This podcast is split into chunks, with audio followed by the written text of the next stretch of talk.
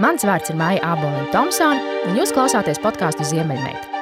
Sarunas par spēku, iedvesmu un drosmi īstenot savus sapņus. Visas Latvijas valsts vēstures laikā līdz šai šodienai šo amatu ir ieņēmuši tikai desmit cilvēki. Desmit cilvēki. Desmit cilvēki ar spēcīgu misijas apziņu, milzīgu mīlestību pret mūsu valsti un tās cilvēkiem, harizmātisku līderi, kur viedokli ieklausās un kam uzticās. Viņš bija septītais. Un savu amatu pienākumus viņš pildīja faktiski ļoti smagā laikā, ekonomiskās krīzes laikā. Šodien no vienkārša cilvēka perspektīvas skatoties, gribas teikt, ka viņš bija nemieru gars. Viņš atklāti norādīja uz pieaugušo oligarhu varas ietekmi politiskajos lēmumos un bija pirmais valsts prezidents, kurš izmantoja iespēju ierosināt sēmas atlaišanu. Bet jau nākamajā dienā, pēc jaunā valsts prezidenta stāšanās amatā, viņš nodibināja pats savu partiju un, ieve, un viņu ievēlēja saimā, un viņš bija Nacionālās drošības komisijas priekšsēdētājs. Runas un kaislības ir virmojuši ap viņu vienmēr, un tā tam ir jābūt. Jo cilvēki, kam ir ko teikt, kas drosmīgi skatās patiesībai acīs un dara savas iekšējās pārliecības virzīt, vienmēr būs neērti. Un man liekas, ka šīs īpašības ir izkoptas daudzu gadu garajā ārsta ķirurga pieredzē, kur pretī cilvēku sāpēm un nelēmēm ir jāstājas ar skaidru galvu, stingru roku un milzīgu empātiju. Šodien, desmit gadus vēlāk, nacionālais lepnums viņam nekur nav pazudis. Viņš ir atradzis savu mieru ostu, savu pleķīti dabas, kur cieņpilnā klusumā būt kopā ar to. Stundām ilgi viņš varētu runāt par savu jauno dzīves kaislību, vīnogu audzēšanu. Un vēl viņš ir manīts dīdžojam kopā ar Vairu Vīķu Freibergu. Un tā, dāmas un kungi, izcils ārsts, ķirurgs, bijušais traumatoloģijas un ortopēdijas slimnīcas vadītājs un vēlāk arī valdes priekšsēdētājs. Grāmatas, kas es esmu autors, Latvijas Universitātes goda biedrs, Rīgas Stradiņa Universitātes goda doktors, Viesturu ordeņa un triju zvaigžņu ordeņa kavalieris, viens no brīvības pieminiekļa izgaismošanas fonda dibinātājiem, bijušais Latvijas valsts prezidents Valdis Zatlers. Labdien, Zatlerkungs! Labdien! Lielas paldies jums, ka jums bija iespēja šodien atnākt uz sarunu. Un es šodien gribētu sākt mūsu sarunu ar pirmo jautājumu. Kas ir labs līderis? Tas ir labs jautājums. Un, pirmkārt, nu, līderis ir cilvēks, kam ir kāds mērķis. Un, un kurš spēj par savu mērķi pārliecināt citus. Jo viens cilvēks nav karotājs, tad, lai sasniegtu mērķi, ir vajadzīgi citi cilvēki, viņu izpratne, viņu atbalsts. Un, un bieži vien varbūt tas mērķis, mērķis sasniegšanas mehānisms pats ripo tālāk bez paša līdera, bet viņš ir tas, kas ir palaidis to procesu. Nu, par līderu definīcijām un, un, un, un aprakstiem var runāt ļoti gari, jo katram skatpunktam ir, ir kāda cita šķautne. Līderis praktiski ir slīpēts dimants. Es teikšu, ka viena no galvenajām īpašībām tomēr ir patstāvība. Tas nozīmē arī mērķtiecību un neatlaidību. Un tālāk arī spēju vērot un ieraudzīt, spēju dzirdēt un saklausīt. Jā. Tagad, nu, līderis ir tāds ļoti īpatnējs tips sabiedrībā. Un kā viņi radās, nu, tur ir dažādi ceļi, bet es dodu priekšrokiem tiem, kas ir radušies paši no sevis. Nevis, kuri pirmajā dienā kad iet skolā vai pirmā dienā, kad iet eh, augstskolā, pasakā, es būšu līderis. Es parasti no šādiem cilvēkiem esmu drusku uzmanīgs, jo tas nozīmē, ka viņiem karjera ir, ir svarīgāka jā, par, par lietas būtību. Jūs minējāt, ka līderis ir cilvēks, kurš spēj saklausīt. Man liekas, ka tā ir visgrūtākā līdera īpašība. Spēt saklausīt, ko tev saka citi, un neaizmiglot savu prātu ar savu patiesību un, un, un vēlmi. Nu, katram būs sava patiesība, no tās nekur neaizbēgt. Un, un, ja to patiesības pauž skaļi, tas nozīmē, ka pirms tam ir bijuši pārdomu mirkļi, šaubu mirkļi. Un pēc tam nonāk pie vēlēšanās, es gribu to pateikt visiem. Nu, tad tas ir normāls process, un savādāk, diemžēl, nenotiek. Sakiet, lūdzu, um, saka, ka līderim ļoti svarīga ir empātija. Kā jūs definētu, kas ir empātija? Ar ko tā atšķirās no līdzjūtības? Nu, viens no maniem hobijiem ir meklēt latviešu vārdus tur, kur viņu nav. Un, protams, ka empātija un tiem, kas ir angļu vidē, ja, daļa dzīves pavadījuši, tie, tie saprot, ko tas nozīmē. Ja vārds ir kots, ja, tad kādas izjūtas mums tas rada. Ja. Tad katrā ziņā empātija ir kaut kas vairāk par tikai līdzjūtību. Ja. Tā ir arī izpratne par, par cilvēkiem, spējas to pašu saprast, viņus spēj saprast, kas, ko es varu darīt viņiem par labu. Ja? Tad, tad tā ir daudz vairāk līdzbarbošanās nekā vienkārši līdzjūtība, kur es nopūšu un saku, vai cik man žēl. Tur jau vecā dzējā ir rakstīts, un izvelk neaizdaudziņu un noslauka sev asars. Ja? Um, bet tā ir ļoti būtiska īpašība cilvēkam, kurš grib uh, vadīt citus cilvēkus. Tu būtībā empātiju jūs definējat kā darbības vārds.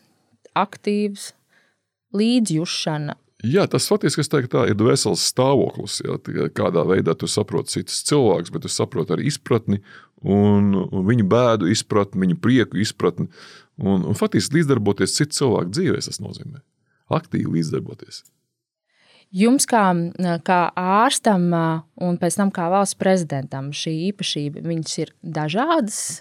Bija ja salīdzina, vai tā, tiksim, šī īpašība var būt vienota, vienalga, kurā sfērā tu darbojies. Īpašība un šī sajūta ir viena un tā pati. Mērogs ir pilnīgi cits. Ja ārstam tas ir viens konkrēts slimnieks, slimnīca, varbūt veselības aprūpes kaut kāda daļa, varbūt visa daļa, varbūt Pasaules veselības organizācija. Ja? Tajā brīdī, kad tu esi prezidents, tev jau nāk pilnīgi cits skats, tas mērogs ir pilnīgi savādāks, daudz sarežģītāks un, un tā pašā laikā ļoti, ļoti izaicinošs.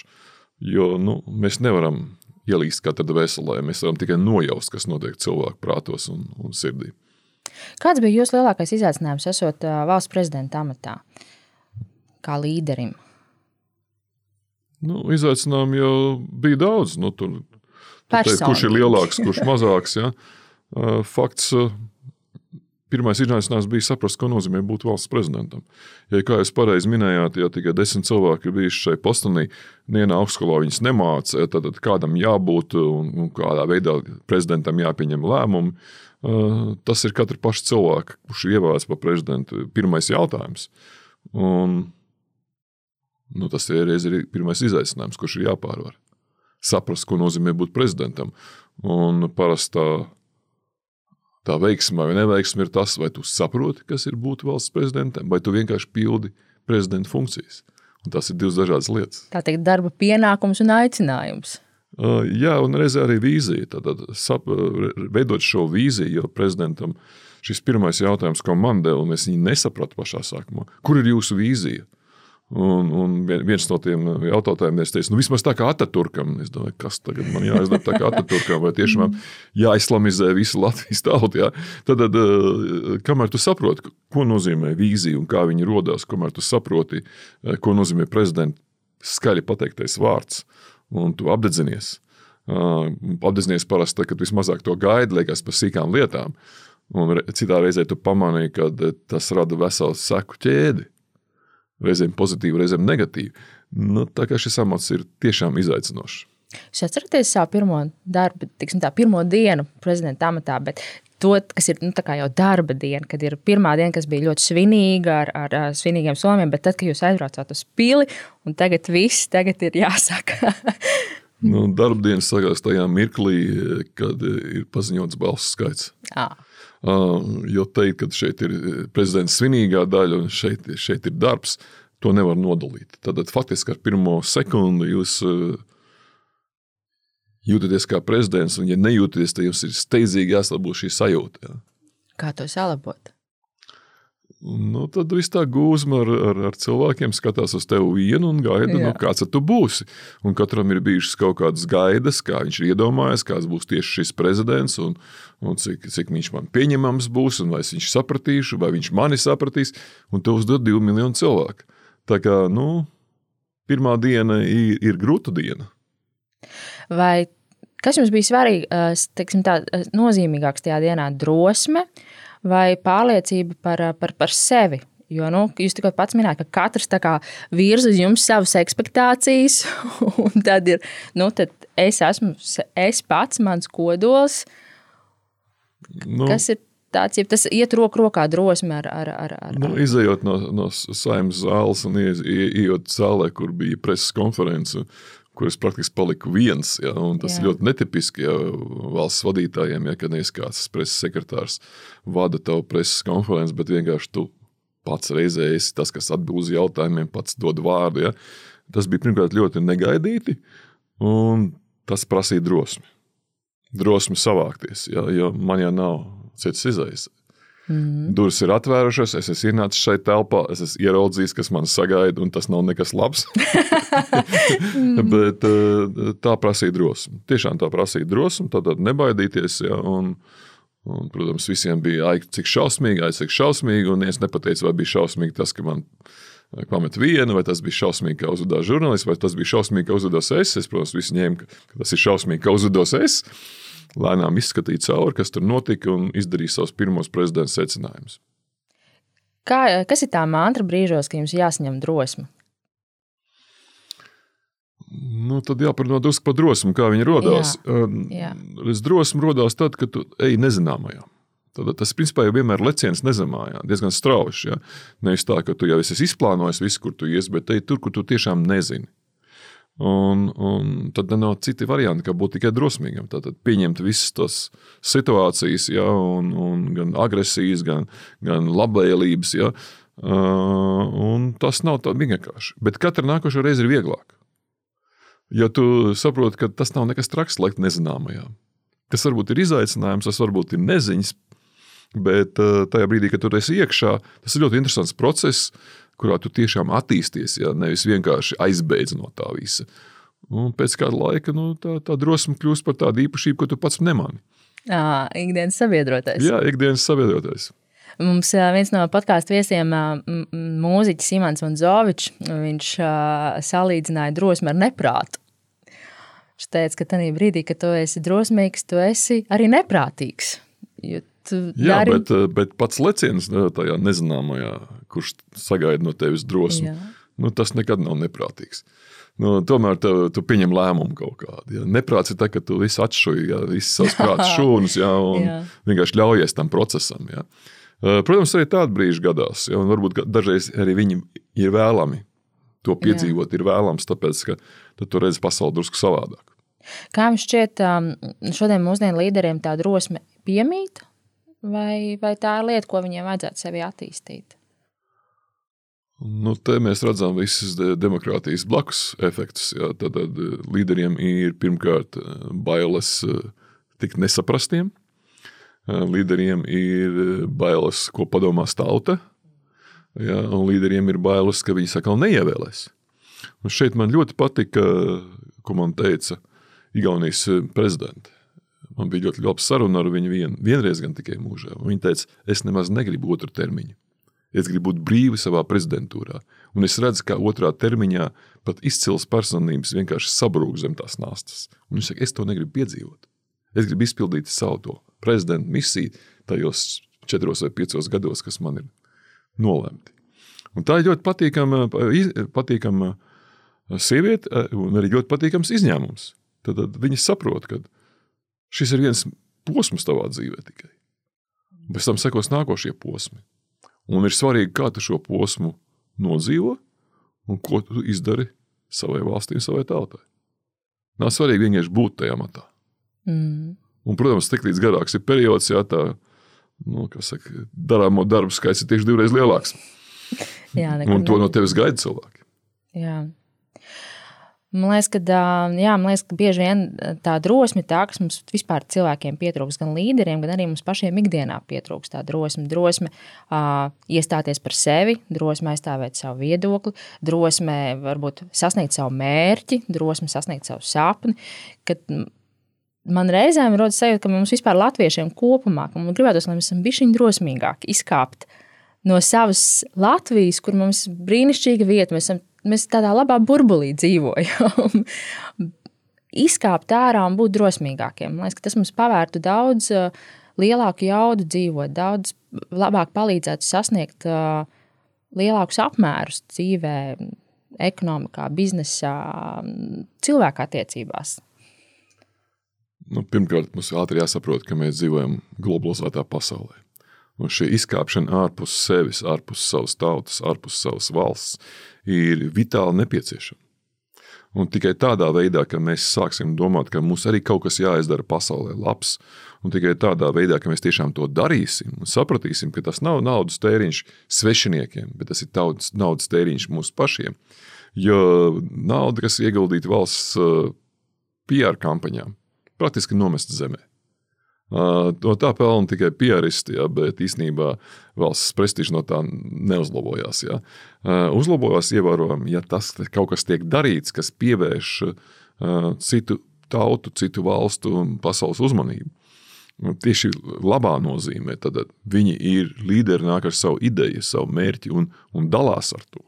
Jo globalizētā pasaulē panākums var gūt tikai daloties. Un tiklīdz jums valstī ir labas valsts slava, tajā brīdī jūsu preces pērk, turisti pie jums brauc, investori, iegulda naudu, jo viņi saka, tā ir laba valsts. Mm. Bija kāds laiks, kad uzņēmēji ļoti uh, kautrējās likt uz saviem, saviem produktiem uh, ražots Latvijā. Mēģina Latvija, visu lika ražots Eiropas Savienībā. Un tagad ir patīkami novērot to tendenci, ka nu jau mēs pamazām, mēs pamazām, mēs ar lepnumu liekam, ražots Latvijā. Mazie vietējie ražotāji to liek. Tas man liekas skaisti. Nu, nu, tas nozīmē, ka pašapziņa ir augusi. Jo faktiski, ko nozīmē ražots Eiropā? Es nemaz negribu to priekšmetu, kas ražots Eiropā. Ja es dzīvoju Eiropā, es gribu zināt, no kuras valsts tas nāk. Mm. Un, protams, un katrai valstī ir, ir savs, savs, savs tēls. Jā. Mēs zinām, ka automašīnas ir, ir vācu monopols, jā, un mēs zinām, ka mode ir itāļu monopols. Nu, mm. nu, tā tas viss veidojās. Eh, un tam mums jāpasaka, kas ir Latvijas monopols. Jā. Un eh, tās lietas, par ko mēs īstenībā paši esam diezgan lepni. Nu, tas, ir, tas ir kultūras jautājums, jā. tas ir šī te, uh, pasaules slava, kā slavena opera dziedātāja, slavena muziķa slava, dziesmu svētku slava. Un, uh, tas ir izveidots ne jau vienā dienā. Mm -hmm. Tas ir izveidots zinu, vairāk kā simts gados. Un tiklīdz kāds sāk pelt par to, ka mums nav vajadzīgas muzikas skolas, un mums nav vajadzīgas mākslas skolas, un to nevajag mācīt skolā, es esmu kategoriski pret. Tas ir tas, kas dod mums priekšrocības un kas faktiski rada Latvijas valsts tēlu. Tā ir ļoti daudz atzīst, ka mēs Latvijā esam esam tāda maza, bet ārkārtīgi radoša kopiena, ārkārtīgi radoša tauta. Mums tas ir radošums, mums ir gēnos, un, un, un, un jautājums tikai par to, kā mēs to mākam iznest tālāk pasaulē. Un tas radošums gan mūzikā, gan, gan literatūrā, gan teātrī, mākslā, gan dizainā. Un, un tas ir mūsu katra paša pienākums to radošumu kultivēt un nodot no paudzes paudzē. Un tas ir tas, tas, ir tas mūsu pievienotā vērtība uz pasaules skatuves, kā mēs, kā latvieši, varam izcelties un, un ko mums vajadzētu izmantot ar vien vairāk, un uz ko mēs varam pelnīt, un uz ko mums var uh, cienīt par to kvalitāti, ko mēs varam nest tālāk. Jums ir pilnīgi taisnība. Um, jo radošumu vajag izkopt. Un to izkopt jau no, no, no agras, agras bērnības. Ja, tad, tad, tā pamatā ir divas lietas. Ja ko mēs runājam pašā sākumā. Skatīties, vērot un ieraudzīt, un pēc tam attēlot. Ja? Tāpat kā arī klausīties, sadzirdēt, pēc tam varbūt izpausties muzikā. Un uh, mūzika īstenībā ir, ir, ir, ir, ir viena ļoti precīza zinātne. Mm -hmm. ja, un, un, uh, ko nozīmē radošums? Šodienas pasaulē, kad faktiski pasaulē iet uz to, ka visu var atrast uh, vienā planšetē vai telefonā, un nav jāpārslogo savu atmiņu. Bet līdz ar to mēs spējam tikai atkārtot to, kas jau ir bijis. Un e, pasaules progress nav iespējams atkārtot tikai to, kas ir bijis. Un šeit man ļoti patīk, ka kāds teica, Ķīna vēl neko nav izdarījusi kopš tā, kad atklāja papīru un šaujam pulveri. Ja. Viņš šobrīd tikai zog idejas, jau viņas realizē. Ja. E, vienā brīdī tas apstāsies, un tad mums, kā nelielai tautai, ir ļoti svarīgi, ka šis radošais moments saglabājas. Ka mēs par visu vari bērnos izkopjam šo radošanu. Un vēl ir viena būtiska lieta, kad mums ir jāuzticas jaunai paudzei. Ne tikai jāpasaka, ka es tomēr teiktu, ka visi katra nākošā paudze ir gudrāka, ja, bet tas paudzes jau nu pat mainās ik pa 3-4 gadiem, ja, un tiešām jā. tā tas ir gudrāk. Bet arī viņiem pateikt, ka mēs viņiem uzticamies ka mēs viņiem ļaudiem, ļaujam arī būt radošiem, kļūdīties, paklupt visu, ko un to novērtēsim. Un teiksim, paldies, ka viņi to dara. Ja? Jo vairākas reizes man ir bijis tā, ka tā, sevišķi tādās nu, piesim, universitātes radio vai televīzijā, ja, kur, kur paši studenti to veido, un viņi tā izbrīnās, jūs tiešām mums uzticamies. Es saku, jā, es jums uzticos. Es vispār jums nāktu pie jums tikai tāpēc, ka es jums uzticos. Ja? Mm. Jo šīs signāls ir jānosūta. Nevis jāstāsta zin, par tūkstošu gadu veco zin, paudžu konfliktu. Ja? Jā. Tad mums jābūt spējīgiem ja, atdot uh, to iniciatīvu un pēc iespējas ātrāk jaunai paudzei. Tā ir. Un neteikt, ka viņi ir nepieredzējusi, jo pieredzi iegūst tikai no darbības. Jo vairāk tu kļūdīsies, jo lielāka pieredze būs. Jūs esat tuvu manai pieredzes definīcijai, ko es iemācījos pirms 30 gadiem. Tas ir tas pieredze, ir tas, ko tu iegūsti, ka tu neiegūsti to, ko esi vēlējies. Jā. Tad tas ir tie puni, jā. tas ir tās neveiksmes, jā. kurš tu atceries līdz lauktiņā un, un zini, nu, kā rīkoties nākošajā līdzīgā situācijā.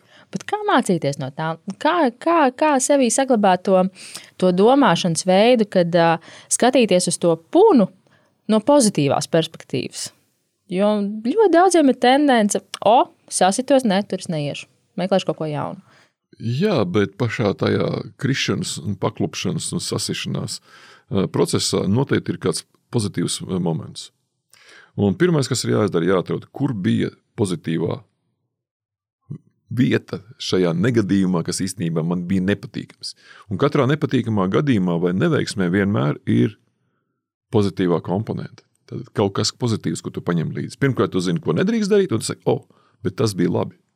Mm. Un tas man noderēs. Un es no tā mācīšos. Nu, skatieties, nu, tagad arī nu, nu, neļaut tiem restorāniem, eh, eh, kas saka, servēt uz galda. Ko viņi dara? Viņi momentāli viņi saprot, nu, jādod līdzi. Jā. To atļauj. Bet, ja jādod līdzi, ir pilnīgi kaut kas cits, kas jāsarvē uz galda. Tā ir pilnīgi cita tehnika, pilnīgi cita kulinārija, jā, un, un pilnīgi citas prasības tiem cilvēkiem. Jā, mm. jo, jo viņi to lietos savā mājās, jā, mm -hmm. un nevis tajā skaistajā restorāna telpā. Tā kā, nu, bez neveiksmēm nevar. Tās mūs veido. Tās tieši tā mums veido, un jāsaprot, ir dažas lietas, ka neveiksmi vienmēr būs vairāk nekā veiksmi. Nu, tas dod tādu zināmu pārliecību pašam par sevi. Un kad neveiksmes strīpa nekad nav nepārtraukta, viņi vienmēr tiek pārtraukti ar kādu veiksmi. Mm. Bet tajā pašā laikā kristē eforijā no nepārtrauktām veiksmēm ir arī neprāts, jo noteikti būs paklupiens. Tu pat nezini, kad un kāpēc un kurā vietā. Nu, tā ir iekārtot šī dzīve. Es domāju, vēl viena ļoti svarīga loma ir saprast, ka labais un ļaunais ir tieši puses pusi. Gan katrā mums pašā iekšā, tad ir tas jautājums, un tā atbilde, ja, kurš tad ņem virsroku? Tas, Jā. ko tu baro. Jā. Ar labām domām tu baro labo, ja, un tas vairojās, un tev nāk uz ārā šis labais, vai tu domā sliktas domas, ja, un tas ļaunais tevi nostiprinās, ņem virsroku un nāk ārā. Un, ja mēs skatāmies uz sabiedrību, kas ir vēl svarīgāk, tad arī ļaunie cilvēki un labie cilvēki ir tieši puses pusi.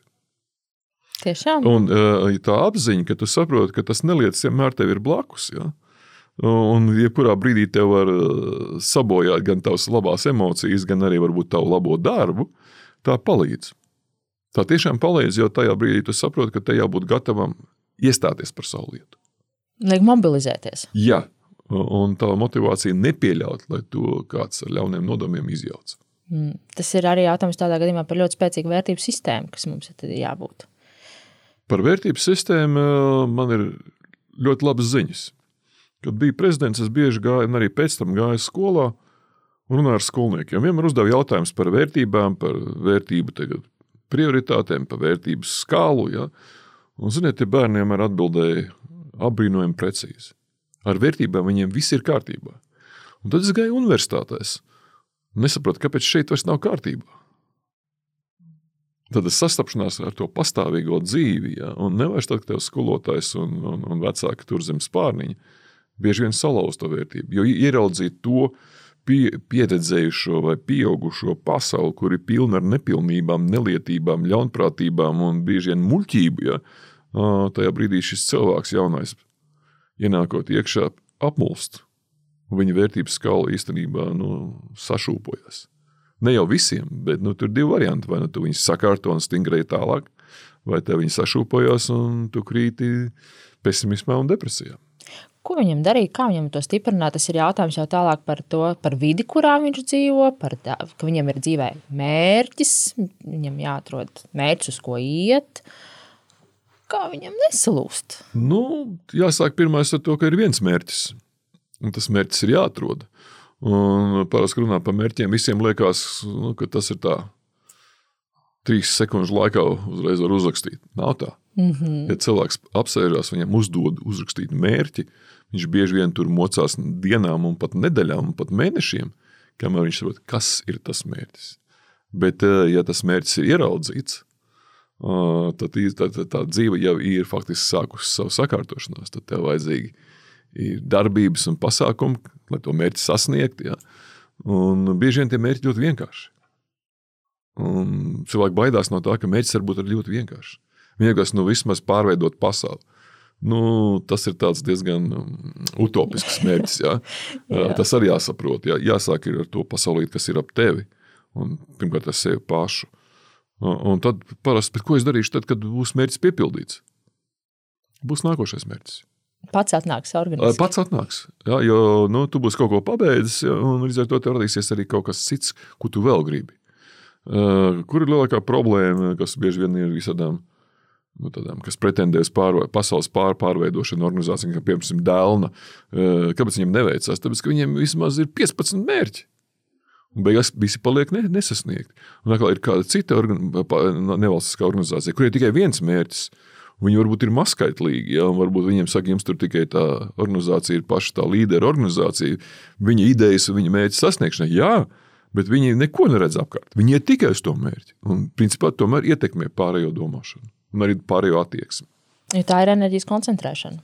Jā. Tu neizšķīsi sīkumos, un tajā mirklī, kad tu sasniedz mērķi, tu esi izaudzis, un tev palielinās arī tavs redzes uh, lokus, tev perspektīva paplašinās. Un kaut kā tā nav organiski, tev nāk nākamie mērķi priekšā. Vienkārši asociācija - pļauka un sitiens ar kulaku. Kurš ir efektīvāks? Nē, nu, emocionāli, ir? protams, varbūt pļauka dažreiz ir efektīvāk, ja, ja tas vienkārši ir demonstrējams, ja, ka nu, man te nepatīk tas. Jā. Un kulaks jau ir pilnīgi apzināta agresija. Jā. Jūs minējāt, ka vajag ļaut jaunajiem darīt un pašiem mācīties un paļauties uz viņiem un iedot to uzticēšanās sajūtu. Kas bieži vien roku rokā iet savukārt ar to, to līderi, kurš dod to uzticēšanos sajūtu, ka viņš pats ir dzīvē izgājis cauri tām mācībām, un viņam ir vesela vācelīte ar, ar, ar atziņām. Viņš zina, tur nevajag iet, tur būs punts. bet, bet tā, tā spēja noturēt sevi tajā mirklī rokās un, un, un ļaut iet. Tas ir, man liekas, tā ir tāda nu, zelta īpašība, kas ļoti daudz mums nav redzēta. Nu, ļoti daudz nosaka mūsu personiskā pieredze šajā lietā. Ja? Un, piemēram, es vienmēr esmu teicis, ka man ir bijuši ļoti gudri skolotāji, un man nav bijis neviens dumšs priekšnieks. Un es esmu bijis laimīgs tāpēc. Ja man nav bijis jāizcīna kaut kāda cīņa, muļķīga ja, par, par, par savu ideju, ja, kad man vienmēr dodas iespējas. Jo faktiski nu, savā profesionālā karjerā, es 28 gadu vecumā, kas praktiski ir neiespējami, tas ir nereāli, kļuvu par eh, traumatoloģijas nodaļas vadītāju. Tikai tāpēc, ka man uzticējās. Un es pēc tam ļoti daudz uzticējos jauniem ārstiem. Un man ir prieks par katru, ja, kuru, kuru dzīvē es esmu devis iespēju Nevis kādam aizliedz, tu par jaunu, tev vēl, ne, tev vēl jāpamācās. Es esmu devis vienmēr iespēju. Ir bijuši arī gadījumi, kad es vienkārši nogriezis skābekli. Jo vienkārši nu, tam cilvēkam nav tie gēni un, un nav tās attieksmes. Ja? Viņam varbūt mamma grib, ja nu, viņš negrib mammu saka, aizvainot un tāpēc iet to ceļu. Nē, un arī tas, ka dodot iespēju, tu arī faktiski liec viņiem pārvarēt grūtības. Jo iespēja ir tikai iespēja, pēc tam seko grūtības, kuras jau pašam jāpārvar. Ja? Un man vienmēr tas ir paticis. Es esmu pat nu, gūstis zinām tādu nu, gandarījumu par to. Ja? Un arī politikā tie cilvēki, kurus es tur ievilku, viņi visi bija jauni gados. Man ir prieks, ka viņi vēl tur desmit gadus vēlāk ir. Ja, tā, tā tas nozīmē to, ka nu, es esmu kaut ko nodevis nākošām paudzēm. Tieši tāpēc es ļoti labprāt runāju ar jauniem cilvēkiem. Un uh, arī tiem līderiem, kas šobrīd grib būt līderi un jau ir līderi, ir jārunā ar jauniešiem. Ir jāsaprot, ko viņi domā un kā viņi tevi redz. Un nevajag baidīties. Jā. Nu, tā parastais dalījums, ja jauns un nepieredzējis, vecs un dumšs. Nu, tik vienkārši tas viss nav. Jā. Bet uh, arī jāsaprot, ka nu, viens, viens liels asatums dzīves pieredzē dažreiz nav pārvarams. Arī tā gadās. Ja? Nu, tas, cik daudz enerģijas, ja man jārunā ar desmit gadu jaunākiem, man vajag mazāk enerģijas nekā, ja man jārunā ar 40 gadu jaunākiem. Ja? Tad tas nozīmē, ka man ir jāizliek ārā no sevis daudz vairāk enerģijas, lai viņas vispār iekustinātu, ja? lai viņi man neuztvertu kā vecumu dumju. Ja? Nu, nu, tas arī ir izaicinājums. Mm.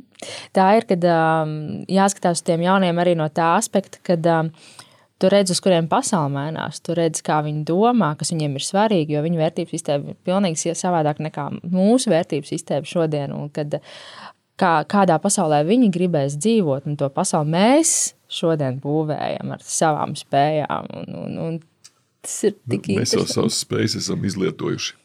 Īstenībā jauno pasauli būvē viņi. Tāpēc tieši jādod šī pārliecība, ja, ne tikai vārdos, ja, bet arī ar iespējām. Ja. Un man nāk arī jauni cilvēki un saka, nu, vai varat jums parunāt par to, ka es gribētu būt nu, politikā vai, vai būt uh, valdībā. Ja. Kas man jādara? Es saku, sāc ar vienkāršām prasmēm. Ja tu piesēdīsies kā, kā tāda maza piedeviņa kādai lielai partijai, ja, nu, tad tu arī būsi tā piedeviņa visu savu mūžu. Varbūtība, ka tu izaugsi, uh, ir ļoti maza. Ja tu jau sāksi domāt pavisam savādāk, tad būs tā, nu, ka es esmu rezerves uh, puisītis, kas dara pilnīgi visu, ko man liek. Ja. Uh, es saku, ejiet labāk caur nevalstiskām organizācijām. Kāpēc? Tāpēc, ka tas ir varbūt jūsu paudzes kaut kāda lieta, par ko jūs iestājaties. Jūs iemācāties pirmkārt strādāt komandā, un otrkārt jūs iemācāties komandu vadīt. Un tas, kurš būs tajā komandā līderis vai vadītājs, nu, par to iepriekš nav jādomā. Tas izkristalizēsies pats par sevi. Ja vienam parādīsies šīs spējas, ja viens izkops šīs īpašības, ja, un citi varbūt tikai gaidīs. Ja vēl viena ilustrācija, es biju vienā jauna, jauniešu līderu konferencē, kur bija nu, nu, tiešām no labākajām pasaules universitātēm. Un ļoti interesants novērojums. Tur tika izspēlēts, kā, kad piesakieties, kurš grib būt par līderi, un veidot nākošo konferenci. Tā bija mana ideja, jo es naivumā domāju, ka tagad visi pieteiksies. Un tur bija jābalso. Kurš no viņiem varētu būt par līderi? Un ļoti interesants tas bija balsojums, jo divas trešdaļas no potenciāliem saicinātiem jauniem līderiem atsauca savas kandidatūras. Un tad es biju ļoti skarbs. Es teicu, jo man bija jāmoderē tieši tā, tā lieta.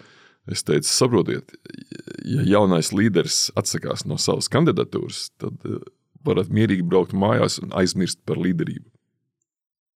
Ja jūs atteicāties, jums ir zemes pašnovērtējums. Mm. Un tur nebija tā, tā, tas gadījums, ka nu, no skolas klasē kāda nu, negrib izcelties. Nu, ir cilvēki, kas negrib izcelties. Ja, nu, uh, tur bija faktiski visi tie, kas gribēja izcelties. Bet tajā mm. brīdī, kad mēs nonākām pie konkrēta darba, konkrēta piedāvājuma, konkrēta izaicinājuma. Pēkšņi tās divas trešdaļas nav gatavi. Jā. To ļoti daudz pārmet jaunajiem, ka viņi nav gatavi darīt, ka viņi grib, viņi prasa. Iespēju, un tad varēs redzēt, ir gatavs vai nav. Jo visvieglākās atrunas ir, nu, nu, tur jau tam nesanāks, vai tas nesanāks. Nemaz nemēģinot sākt kaut ko darīt. Mm. Tā ir atruna. Tā ir vienkārši laba atruna, lai nedarītu. Kā jums šķiet, kāda mēs, tiksim, ja mēs paņemam Latvijas tautu kopumā un viņu personalizējam ar vienu cilvēku, kāda, kāda mēs esam kā līderis? Nu, pieņemsim, nu, frančūži viņi ir nu, tādi strikti līderi, viņiem vajag debatēt, un iet un cīnīties, un aiziet. Un, un savukārt itāļi ir savādāki. Kāda mēs esam kā latvieši, kā līderi, ko mēs varam sacensties, kā mēs varam, kā mēs esam? Nu, pirmkārt, eh, mēs nevaram asociēt, kāda mēs esam ar kādu vienu cilvēku. Mēs esam divi miljoni ļoti dažādu, domājošu cilvēku ar ļoti dažādiem mērķiem dzīvē, un arī ar dažādu attieksmi pret kaut ko vienu, par ko mēs esam par. Mm -hmm. Kāda jābūt uzņemtiem mērnieku laikiem filmā? Mums ir divi miljoni viedokļi. Beigās radās filma, un, un, un viss vienalga neapmierināti. Nu, bija pozitīvi, ka tagad pēdējo gadu filmām vairs tik traki nav. Mm. Tad mēs esam kļuvuši kaut kā savādāk, tomēr spējam saskatīt kaut ko kopējo. Nu, Pirmkārt, mēs esam zemnieku tauta. Līdz ar to pamatīgums ir, ir tāds, nu, un zemnieks vienmēr drusku nogaidīs, bet zemnieks vienmēr ir gatavs arī tam, kad varbūt neraža, jā, varbūt laika apstākļi. Jā. Tad viņš būs diezgan saprātīgs, plānos kaut ko uz priekšu. Otrkārt, mēs esam zvejnieku tauta braucam jūriņā, tālu zemes skatīties, jā, pasauli iepazīt. Un mēs faktiski atrodamies tādās krustcelēs, jā, geogrāfiskās krustcelēs. Vienmēr esam bijuši starp Krieviju un Vāciju, jā, tādos lielos vilcienos, starp vienu un otru impēriju. Un tajā pašā laikā esam spējuši izdzīvot. Un tajā pašā laikā mums ir, ir bijusi tāda reizē izvēle, reizē arī kaut kāda pretnotaštība, ka, ka tas ir labs vai tas ir slikts. Un tomēr šeit, ja mēs skatāmies no dabas, ir tik harmoniska daba un tik tāda vieta, ja, kur cilvēks pasauli uztver daudz eh, samērīgāk, līdzsvarotāk, ja, saprotošāk. Jūs aizbrauksiet tur, kur ir tūkstnesis, viņiem būs tūkstneša domāšana. Aizbrauksiet tur, kur ir kalni, viņiem būs kalnu domāšana. Ja. Eh, tur, kur ir mūžīgā vasara, tur būs vasaras domāšana, kur ir mūžīgais eh, saka, sasalums, tur ir pilnīgi cita domāšana. Mums šeit ir tā harmonija, nu, kas tagad vienīgais sāk trūkt tā baltā krāsta sniegs. Jo, jo nemaz nesmējieties. Baltā krāsa tomēr ir zināmā veidā tīrības, nevainības krāsa. Ja? Un, ja mēs to neizbaudām tajā ziemas sniega izskatā, ja, šīs vērtības varam pamazām mums zust. Jo tiem, kam visu laiku ir dzeltenā krāsa, ja, nu, tiem, tiem tā nav. Jo arī šī uztvere caur krāsām, tad, kad, nu, tas arī ir Tā ir fizika, faktiski, ko mēs uztveram. Jā. Viņi ietekmē mūsu domāšanu. Mums ir gan zaļā, gan zilā, gan baltā, mm -hmm. gan brūnā. Mm -hmm. Ļoti krāšņos, pilnbriedos. Un visos toņos. Visos toņos. Mums ļoti bieži piedāvā, ka mums ir kalpu domāšana. Nu, drusku jau ir. Bet ko nozīmē kalpu domāšana? Darīt tā, kā saimnieks liek, un pukoties. jā, jā. jā, bet nu, es domāju, tas arī pamazām mainās. Jo vairāk mēs ejam pasaulē, jo tas vairāk mainās. Ja mēs vairāk sajūtamies kā daļa no pasaules, ne tikai no savu pleķīšu zemes, ja, un nedodies tur viens vācu barons un vagars, ja, tā domāšana mainās. Un es domāju, ka tās paudzes, kam šobrīd ir līdz 5 gadu vecumam, būs tik labas paudzes, ka mums būs visiem prieks par to. Nu, nevajag būt kalps kā saimnieks. Ja. Tev jābūt tomēr ir, nu, saka, līdzatbildīgam, ja jebkurš kalps kļūstot par saimnieku, ne, nekļūst par idiotu. Mm. Tas ir jautājums, pateicu, bet, nu, bet, diemžēl tā ir. Tā ir, tā ir, un tas ir jautājums, kā mums pašiem to atpazīt sevi un iemācīties mainīt. Mainīt mēs varam tikai pirmkārt ar sevis pašanalīzi, tad tomēr pats padomāju pa brīdim. Nu, tad man pēdējais hobijs, ka es visiem saku, lūdzu, rakstiet dienas grāmatu kaut vai vienu teikumu dienā, kāpēc. Jūs varat pēc kāda laika paskatīties, kas jūs bijāt pirms dienas, pirms nedēļas, pirms gada. Un šādi pārdomu brīži par sevi noteikti nāks tikai par labu. Ja, kā mēs sakām, Ziemassvētkos domājam par ģimeni un par tiem, kam, kam, kam vajadzīga palīdzība. Ja? 18. novembrī mēs domājam par valsti, kāpēc mums viņi ir, ko mēs viņai varam dot. Ja? Tātad ir vajadzīga šī individuālie paša pārdomu mirkļi par sevi. Tas jau arī, man liekas, dainās ir, kad, kad, kad, kad Latvijas ar, ar, ar saulrietu pavada koklu spēlējot un, un, un tāds, nu, savā saskaņā ar dabu, ka tu aizēji dabā ar sevi. Nu, tāds meditatīvs process, kas mums ir, jā, ko mēs esam šodien ātrā dzīves tempā pazaudējuši un arī viņi attālinoties no dabas. Teiksim tā, nu, mums joprojām ir ļoti labas iespējas.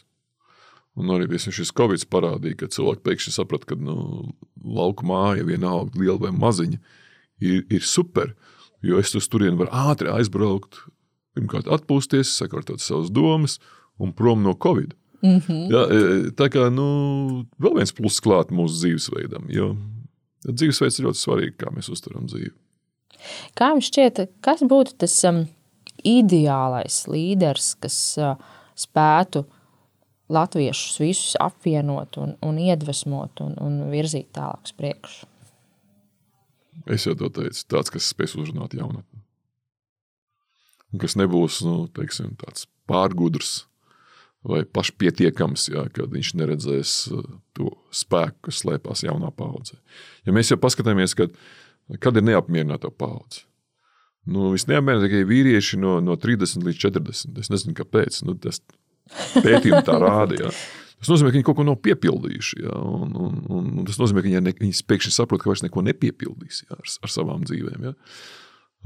Tad tas impulss, ko varētu iedot šīm paudzēm no 20 līdz 40, tas ir tas, kas būtu vislabākais, ko varētu izdarīt viens Latvijas līderis.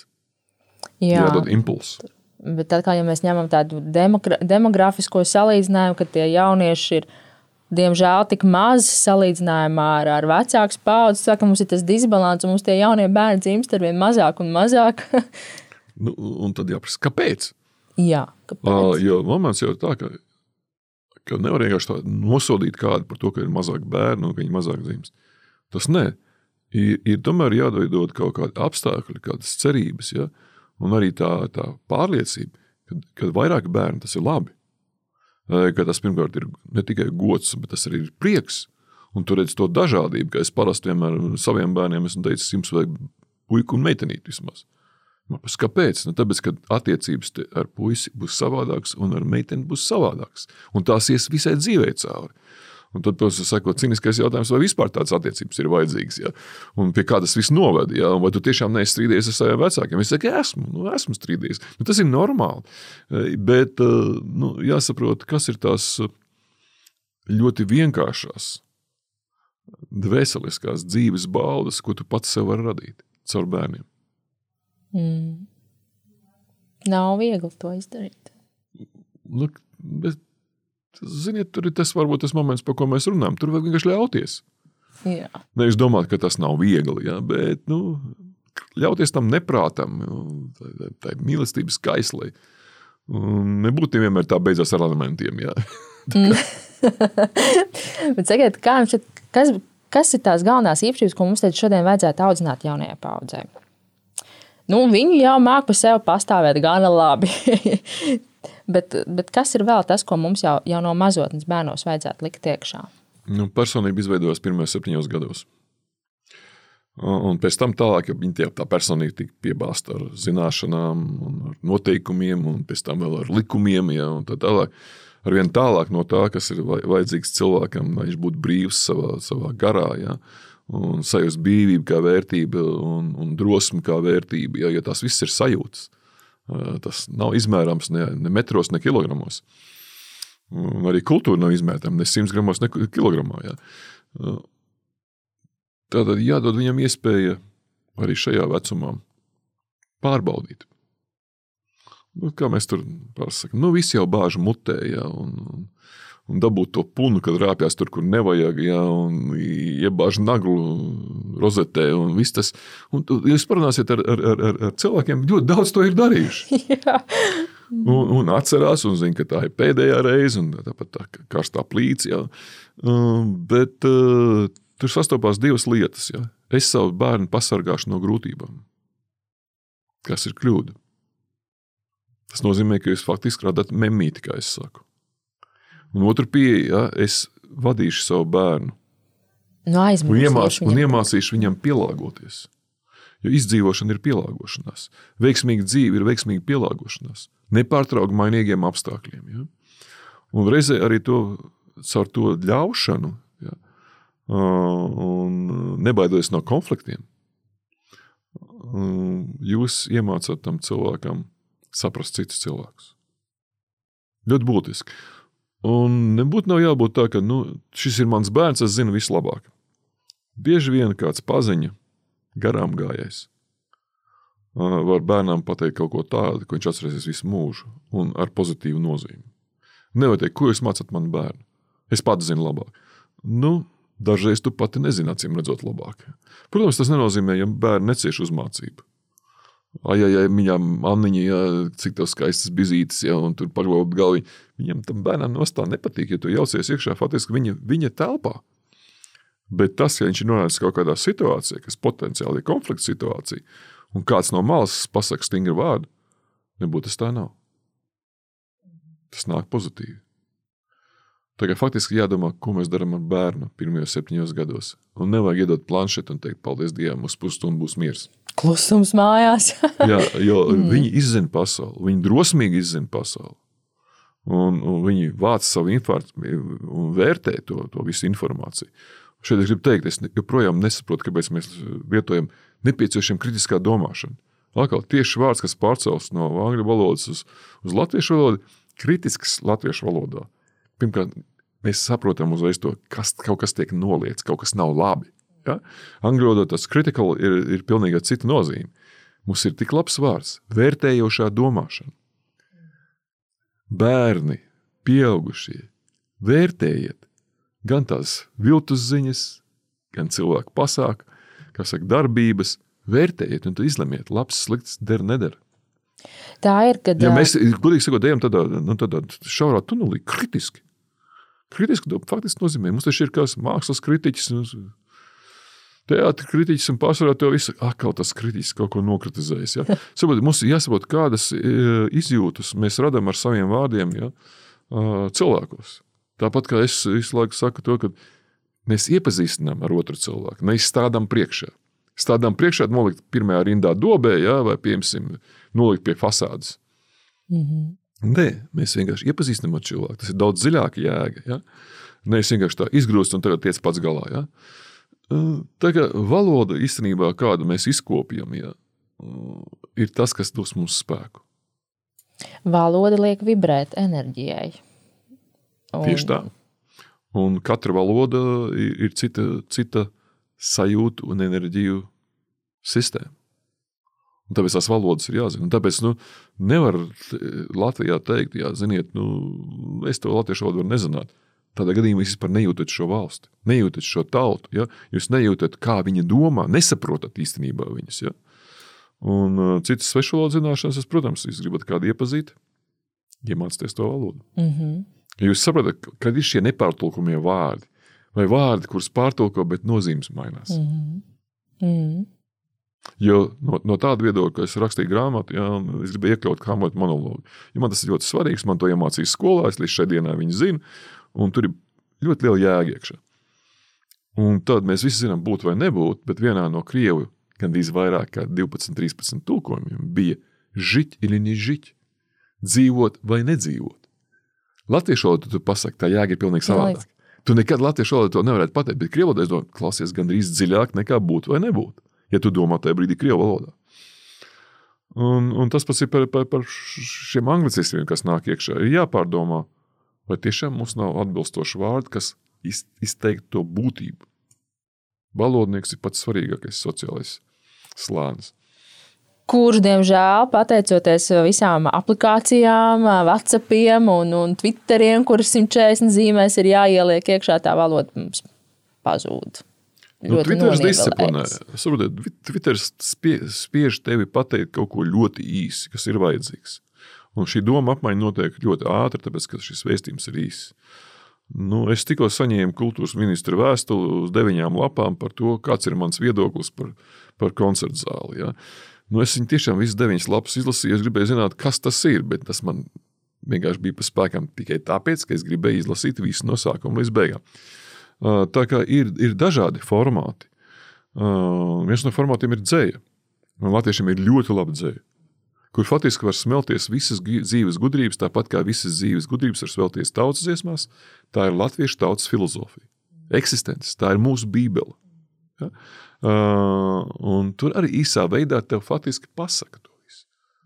Bet dažreiz ir vajadzīgs romāns, lai tu izlasi visu zin, cilvēku ģimeņu likteņus, ja vairākās paudzēs, un saprot, jā, traki gan. Mm. Tā ir tā, ir tā mutvārdu kultūra, mutvārdu mantojums, kas mums ir nodots dainās, un kas parāda to, ka mēs jau patiesībā lasīt un rakstīt mēs kā tauta mākam salīdzinoši nesen. Nu tā, globāli ņemot. Ne? Un... Tā pašā laikā es jums nepiekritīšu. Jā, nesen, bet 19. gadsimta vidū lasīt prasme latviešu zemnieku vidū bija vairāk kā 90%. Tāds skaitlis nebija nekur citur Eiropā. Tad mēs ļoti ātri pārlecam pāri tam, kad nu, ir izredzētie, nav izredzētie. Faktiski mēs ar šo lasīt, rakstīt prasmi devām iespēju cilvēkiem eh, pašiem domāt. Mm. Tas bija, tā bija faktiski bija revolūcija latviešu cilvēku prātos. Tas gan. Un tas ir arī līderim jāspēj ļoti labi pārzināt valodu, vadīt valodu, mācīt ielikt savu domu pareizos vārdos, atslēgas vārdos, sajust apkārtējo noskaņojumu, vibrācijas, atrast tos īstos atslēgas vārdus. Un, un, un, un tādā ziņā visas runas, kas ir iegājušas vēsturē, ar ko viņas ir izcēlus ar tiem pareizajiem vārdiem, ka viņi ir īstajā brīdī, pareizās lietas pateicis, pareizajā intonācijā un noskaņojumā. Un tam. nu, teiksim, cik daudz cilvēku šodien lasījuši ir Džona Kenedija inaugurācijas runu. Bet visi zina vienu, neprasiet, ko Amerika var izdarīt jums. Prasiet, ko jūs varat izdarīt Amerikā. Jā, bet visi aizmirst, ka nākošais teikums ir mani mīļie pasaules līdzcilvēki. Neprasiet, ko Amerika var jums var izdarīt, bet ko mēs visi kopā varam izdarīt cilvēces labā. Mm. Sabat, un tas pats, kas ir arī par šo Hamatu Malonu, būt vai nebūt. Bet nākošais jautājums, kas prāta cienīgāk? Mm. Ja? Un, un, un tā mēs drusku tā, nu, kā saka, esam pārējuši Twitter formā tās lietas, lai gan būtībā, nu, es vēl nesen, kad es to runāju, es nesen lasīju tieši to Kenediju runu, pārlasīju, un viņi ir aktuāli šodien. Mm -hmm. Tad faktiski tās vērtības, tie vēstījumi, ja, ko viens pasaulīgi vai globāli domājošs cilvēks pasaka, nu, Tie tas mūžīgi. nav mainījušās. Ir mainījušies apģērbi, mode, ieroči un vēl viss tas tur. Ja. Bankas pārvedumi, ja, bet e, būtība, ko, ko viņš pateica. Šodien varētu iznākt, ja kurš pasaules līderis to pateikt un izteikt, jā, tā vajag. Mm. O, tas ir mūsu līderis. Ja. Vārdiem ir liels spēks. Ne par vēl gudrā grāmatā rakstīts, vispirms bija vārds. Mm -hmm. Siet, kas ir tie cilvēki, kas jūs iedvesmo? Nu, pirmkārt, vēl viena lieta par līderismu. Tajā brīdī, kad jūs sev atrodat kādu ideālu, ko taisat kopēt, ar jūsu līderismu ir beigas. Ja nokopēt, ko taču jāsāk? nokopēt nav iespējams. Bet tajā brīdī jūs iznīcināt uh, savu pastāvīgo domu, patstāvīgo domu. Ja? Uh, līdz ar to kaut, kā, kaut kāds viens, no kā es iedvesmojos, nekad uh, tāds cilvēks nav bijis. Vienīgi intervijā, kad man pēkšņi slavenais Pavsners pajautāja, tā, ja jums būtu iespēja reinkarnācija, kas jūs gribētu būt? Ja? Man bija jāatbild, es nevarēju, jo tā bija nosacīta ieraksts bez montāžas. Mm -hmm. Tā es teicu pēc Gandhi. Be, par ko indieši ļoti priecājās vienmēr. Jā, jā, bet es to pateicu spontāni. Tieši tāpat kā es pateicu, zinu, kas es esmu. Jā. Tā, tā, tā bija iekšējā balss. Jā. Uh, ļoti daudz no kā var iedvesmoties. Bet es, prāt, man, ja man teikt, no kādām grupām es iedvesmojos vai, vai ieklausos. Pirmkārt, tie cilvēki, stāv uz zemes, tad zemnieki. Īstenībā viņi mūs baro. Un, un mēs te visi domājam, ka veikals mūs baro. Otrkārt, ir veci cilvēki. Ja viņiem ir šī pieredze, to punu daudzums, un viņiem vairs nevajag izlikties. Un viņi ļoti tieši redz to, to, to kas notiekās. Ja? Un vienmēr, kad es arī biju prezidents, es labprāt runāju ar vecu cilvēku. Viņš pateica visur, kas ir tavs kļūdas, ko vajadzētu darīt, un ko viņš domā, un kādas būs sekas. Un, un arī vienmēr bija taisnība. Un trešā grupa ir mākslinieki, radoši cilvēki. Kāpēc? Viņi šo pasauli redz drusku savādāk. Tad viņiem ir cits skatu punkts, un piemēram, tas skatums ir ar nu, tādu vīzijas pie, piegaršu visu laiku. Ja? Tad viņi kaut ko izpauž no sevis vai no savas radošā gara. Ja? Nu, tie ir tie, kas vienmēr iedvesmos. Tikai nu, atliek tikai klausīties, vai arī skatīties, vai arī runāt. Ar atvērtu sirdi būt, ar atvērtu prātu, Jā. ar atvērtām sajūtām, ar, ar atvērtu domāšanu. Nelikt režģis tam priekšā, viss nevilkt caur savu filtru uzreiz. Jo, ziniet, cilvēkam ir arī viens ļoti liels ienaidnieks, tas ir viņa prāts. Jo prāts spēj sabojāt visu to, ko tev sirds liek darīt. O, jā. un, un, un tāpēc ir ļoti, ļoti, ļoti svarīgi, ja, kad mēs iedrošināmies vēlreiz atkārtošu tos jauniešus, ja viņi nāk ar, ar, sirdi un dvēseli. Un tad viņi ieraudzīja to visu to teātrālismu, falšumu, izlikšanos, nosacīti, ja zina, krāpšanos. Ja. Mm. Viņi to ieraudzīja un viņi saprata, un šitajā pasaulē man būs jādzīvo. Un viens otrs saka, nē, Ar ko lai dara, kā saka, nē. Vai tev ir drosme, teiksim, iet iekšā un drusku mainīt to? Mm. Un viss nekad neizmainīs. Tas viss saglabāsies. Nu, ja netic, ka tas viss saglabāsies, tad vajag grieķu traģēdijas palasīt. Ja, tur viss ir faktiski jau uz, uzrakstīts. Ja, tur. Viss, Nekas kas jau notiek, nenotiek savādāk. Ja, mīla, naids. Ja, un... viss, kas notiek, kādreiz jau ir noticis un bijis. Jā. Paldies jums liels par sarunu, par viedajām atziņām. Un man jautājums, vai es jums beigās varu uzdot pāris ātrus jautājumus, ko es vienmēr uzdodu pilnīgi visiem viesiem. Un tur lūgums jums šaut ārā pirmo, kas uz mēles. Jūs mīļākais ēdiens? Man patīk gatavot O, gatavot ko? ēdienu. Kāds ir jūsu mīļākais skaitlis, veiksmes skaitlis? Kāds jums ir? Varbūt pieci. Dziesma, ko visbiežāk dungojat pie sevis. Nu, tā gan maina, mainās. Ja. Love me tender, love me true. O. Lūdzu, turpiniet teikumu. Drosme ir. Drosme ir lekšana nezināmajā Mīļākā filma. krustās. Kas ir labākais līderības padoms, ko kāds jums ir devis, vai gluži pretēji sliktākais līderības padoms, ko jums kāds ir devis? Es vispār neticu tam, ka kāds var iedot tev padomu, kā kļūt par līderim. Visas līderības skolas, nu, labākā gadījumā ir neliela informācija, kuru būtu vērts zināt. Līderis rodas pašā cilvēkā. Un jūsu mantra brīžiem, kad jāsaņemas, Mantra? Jā. Tieši tāda ar viņu ir savācies. Paldies jums liels. Paldies. Bija brīnišķīgs saruna. Ļoti daudz lietas, par ko tālāk domāt. Uh, Iztirzāt sevi, pārcelāt un, un, un tādu šajā laikā tieši par ko domāt un kā dzīvot tālāk. Un kad uh, mīlēt jauno paudzi un nepelt viņu. Tieši tā. Paldies jums liels. Paldies jums!